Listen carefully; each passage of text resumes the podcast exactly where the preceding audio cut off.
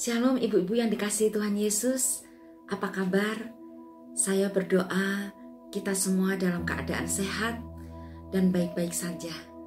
Ada di dalam damai sejahtera Tuhan dan tetap mengucap syukur dalam segala hal. Dalam segala keadaan. Amin ibu-ibu.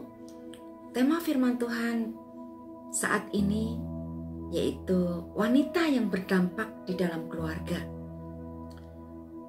Ibu-ibu, wanita Kristen adalah hamba Tuhan yang dipanggil untuk melayani di dalam keluarganya. Sebagai hamba Tuhan, seharusnya wanita punya dampak yang baik di dalam keluarga. Mari kita lihat di dalam Alkitab ada wanita yang berdampak untuk anaknya, Timotius. Kita lihat di dalam 2 Timotius 1 ayat 5. Sebab aku, yaitu Paulus, teringat akan imanmu yang tulus ikhlas, yaitu iman yang pertama-tama hidup di dalam nenekmu Lois dan di dalam ibumu Yunike, dan yang aku yakin hidup juga di dalam dirimu. Saudaraku, ibu-ibu, Rasul Paulus mengingat akan iman Timotius yang tulus ikhlas, yang menjadi dasar di dalam pelayanan Timotius. Dan iman yang tulus ikhlas itu berasal dari neneknya Lois dan juga ibunya Yunike. Ada dua wanita yang berperan di dalam kehidupan Timotius, yaitu Lois dan juga Yunike. Sehingga Timotius menjadi penginjil yang bekerja bersama dengan Paulus. Memiliki iman yang tulus ikhlas kepada Kristus sebagai dasar di dalam pelayanannya. Ibu-ibu, Lois, neneknya Timotius dan juga Yunike, ibunya Timotius, tentu saja dia memiliki kemampuan rohani untuk mengajarkan hal-hal yang baik dan yang membawa dampak bagi kehidupan Timotius sebagai hamba Tuhan yang tulus ikhlas melayani Tuhan.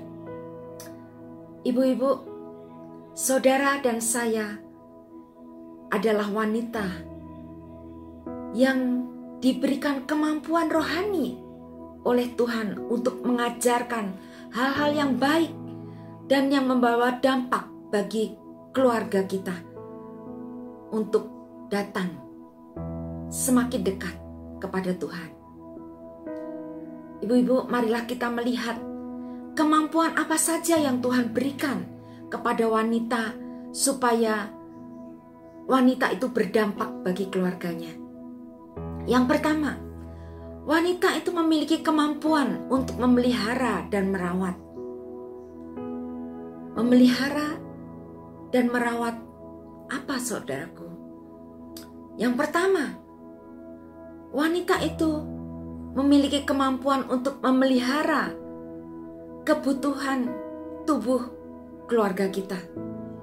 Amsal 31 ayat 14 dan 15 berkata, ia se serupa kapal-kapal sodagar. Dari jauh ia mendatangkan makanannya. Ia bangun kalau masih malam, lalu menyediakan makanan untuk seisi rumahnya dan membagi-bagikan tugas kepada pelayan-pelayannya perempuan. Ibu-ibu, wanita di dalam Amsal 31, wanita yang bijaksana, itu serupa dengan kapal-kapal sodagar ya, yang dinanti-nantikan oleh keluarganya. Dari jauh ia mendatangkan makanannya dan ia bangun kalau masih malam dan menyediakan makanan untuk seisi rumahnya. Wanita memelihara keluarganya dan menyediakan makanan supaya keluarganya mendapat gizi yang baik sehingga tetap sehat, tidak mudah sakit, dan memiliki tubuh yang sehat dan kuat. Pepatah berkata, di dalam tubuh yang sehat, terdapat jiwa yang kuat. Amin. Kalau ada keluarga sampai sakit, siapa yang memiliki narun, nal, naluri untuk merawatnya? Pastilah kita para wanita. Tuhan memberikan hati ya panggilan untuk memiliki hati merawat dan juga memiliki kemampuan ya untuk memelihara. Saudaraku wanita memiliki kemampuan untuk memelihara tubuh daripada keluarga kita. Kemudian yang kedua, memelihara kebutuhan jiwa. Di dalam jiwa ada pikiran, perasaan, dan juga kehendak. Seorang wanita diberi kemampuan untuk memelihara jiwa seluruh anggota keluarganya. Amsal 31 ayat 26 berkata, Ia membuka mulutnya dengan hikmat, pengajaran yang lemah lembut ada di lidahnya. Saudaraku, wanita memiliki kemampuan untuk mengajar dengan hikmat dan lemah lembut. Wanita yang melahirkan generasi emas yang akan muncul di dalam keluarga kita. Generasi yang penuh hikmat dan takut akan Tuhan. Ibu-ibu, ada seorang wanita yang bernama Abigail di dalam 1 Samuel pasal yang ke-25. Abigail ini melindungi keluarganya dengan hikmatnya.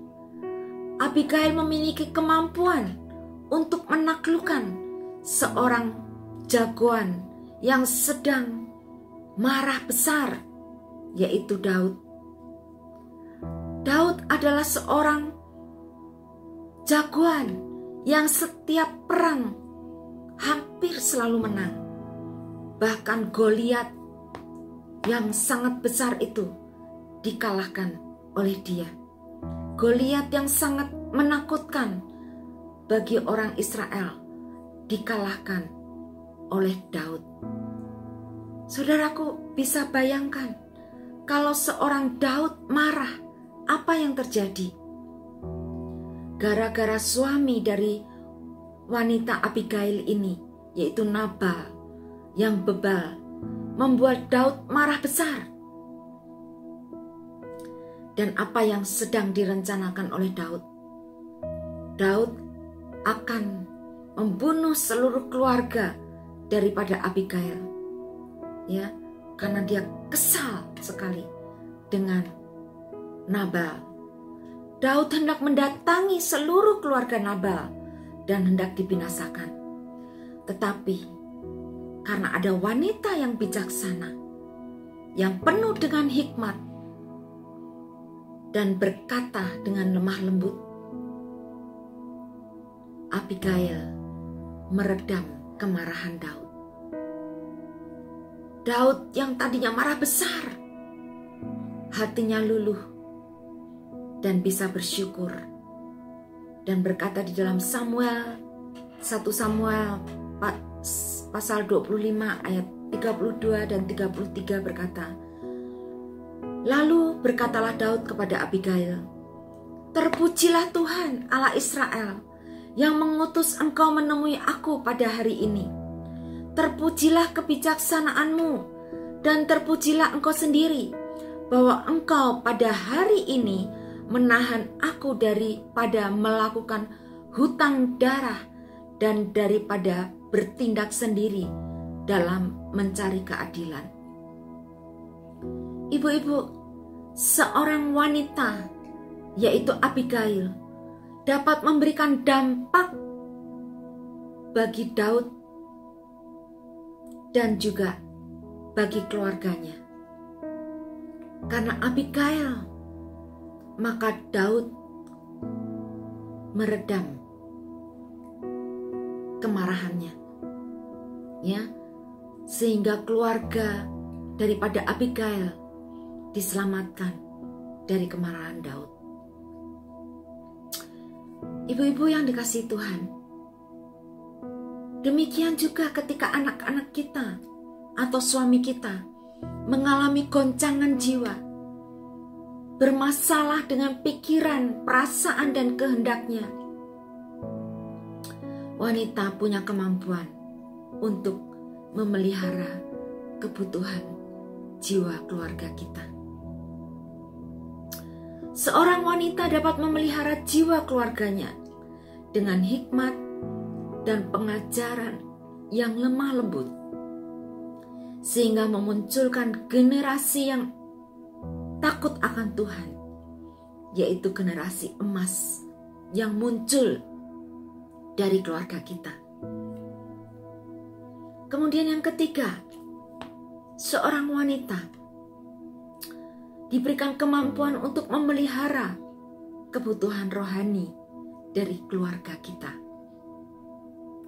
yaitu membawa keluarga mengenal Tuhan yang benar, mengenal Tuhan dengan benar melalui firman-Nya, membawa keluarga mencintai firman Tuhan dan mendoakan keluarganya. Timotius memiliki iman yang tulus ikhlas kepada Kristus karena dua wanita yang telah memelihara kebutuhan rohaninya, yaitu neneknya Louis dan ibunya Yuinike. Ibu-ibu, mari kita perhatikan lagi, ya, kemampuan apa yang Tuhan berikan kepada wanita. Yang kedua, yaitu wanita memiliki kemampuan untuk mencari yang tersesat di dalam keluarganya. Ada perumpamaan Tuhan Yesus di dalam Lukas pasal yang ke-15 ayat 8 sampai yang ke-10 menceritakan perumpamaan tentang seorang wanita yang mencari mata uang yaitu dirham yang hilang. Dan ketika dia menemukan, dia sangat bersuka cita. Demikian juga akan ada sukacita di dalam keluarga kita. Bahkan pada malaikat-malaikat Allah karena ada satu keluarga kita yang bertobat. Ibu-ibu, uang menggambarkan sesuatu yang berharga dan keluarga adalah titipan Allah yang paling berharga. Pemberian Allah yang paling berharga yang harus kita jaga jangan sampai ada yang tersesat. Amin ibu-ibu. Ibu-ibu diperlukan kesabaran untuk mencari yang sesat. Diperlukan kesabaran dalam kita mendidik anak sampai memiliki karakter Kristus. Ada sukacita yang besar di dalam keluarga kita bila semua keluarga kita ada di dalam Tuhan Yesus Kristus. Amin, ibu-ibu. Dan yang ketiga, ibu-ibu, Tuhan memberikan kepada wanita, ya, supaya wanita memiliki kemampuan untuk menginjil di dalam keluarga. Timotius adalah buah daripada penginjilan neneknya dan juga ibunya. Ibu-ibu Injil adalah kabar baik. Wanita memiliki kemampuan untuk memberitakan kabar baik, bukan kabar hoax, ya ibu-ibu, atau kabar gosip, tetapi kabar baik, yaitu kabar keselamatan di dalam Tuhan Yesus Kristus. Ada wanita di dalam Alkitab yang memberitakan kabar baik, yaitu wanita Samaria. Dia berkhotbah untuk seluruh desanya, dan banyak jiwa-jiwa diselamatkan. Bahkan seluruh orang-orang Samaria ya datang kepada Yesus menerima keselamatan. Kemampuan yang wanita Samaria ini dapatkan, yaitu setelah dia bertemu dan bercakap-cakap dengan Tuhan Yesus di sumur Yakub. Ibu-ibu, ada juga seorang wanita yang bernama Maria Magdalena yang adalah pembawa berita baik tentang kebangkitan Kristus. Dia adalah wanita pertama yang memberitakan tentang kebangkitan Tuhan. Ini terjadi ketika Maria berjumpa dengan Tuhan Yesus, ya, yang telah bangkit.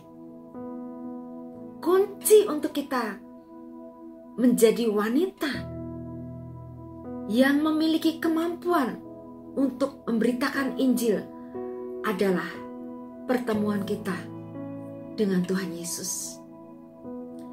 Dan ketika kita mendengar suaranya melalui doa-doa kita, melalui pembacaan firman Tuhan, dan ketika kita mengaktifkan tuntunan Roh Kudus yang ada di dalam kita, ibu-ibu, wanita memiliki kemampuan untuk mendengar suara Tuhan. Karena apa? Karena wanita memiliki kepekaan yang lebih untuk mendengar suara Tuhan. Sehingga ketika keluarga kita ada di dalam pergumulan, ada di dalam persimpangan, ya, kita sebagai wanita bisa menjadi konselor di dalam keluarga, terutama bagi anak-anak kita. Ya, konseling tentang pergaulan, pendidikan, perjodohan, dan lain sebagainya. Kita wanita menjadi konselor bagi suami dan anak-anak kita. Ibu-ibu yang dikasih Tuhan Yesus, seperti yang kita dengar Kamis yang lalu ya dari Ibu Clara bahwa jadikan masa pandemi ini adalah kesempatan. Itu memang benar Ibu-ibu. Di masa pandemi ini kita memiliki waktu yang lebih untuk melayani keluarga. Baik secara tubuh, secara jiwa, dan juga secara roh yang membawa keluarga kita lebih dekat kepada Tuhan. Kita persiapkan keluarga kita untuk menjadi umat yang layak bagi Tuhan. Amin, ibu-ibu. Sehingga ketika Tuhan Yesus datang untuk yang kedua kali, keluarga kita memiliki iman yang kuat, memiliki iman yang tulus ikhlas, seperti yang dimiliki oleh Timotius dan keluarga kita mengalami keselamatan. Amin, ibu-ibu. Marilah kita menjadi wanita yang berdampak lebih lagi di dalam keluarga kita. Amin. Karena kemampuan itu sudah Tuhan berikan bagi kita wanita-wanitanya Tuhan. Tuhan Yesus memberkati. Mari kita berdoa. Tuhan Yesus, Engkau Allah yang baik, yang memberikan kepada kami Tuhan kemampuan demi kemampuan untuk kami boleh semakin berdampak di dalam keluarga kami. Tuhan terima kasih karena Engkau memberikan kemampuan kepada kami untuk bisa merawat, untuk bisa memelihara keluarga kami, baik di dalam tubuh jiwa, dan juga roh. Tuhan, kami mau berdampak di dalam keluarga kami.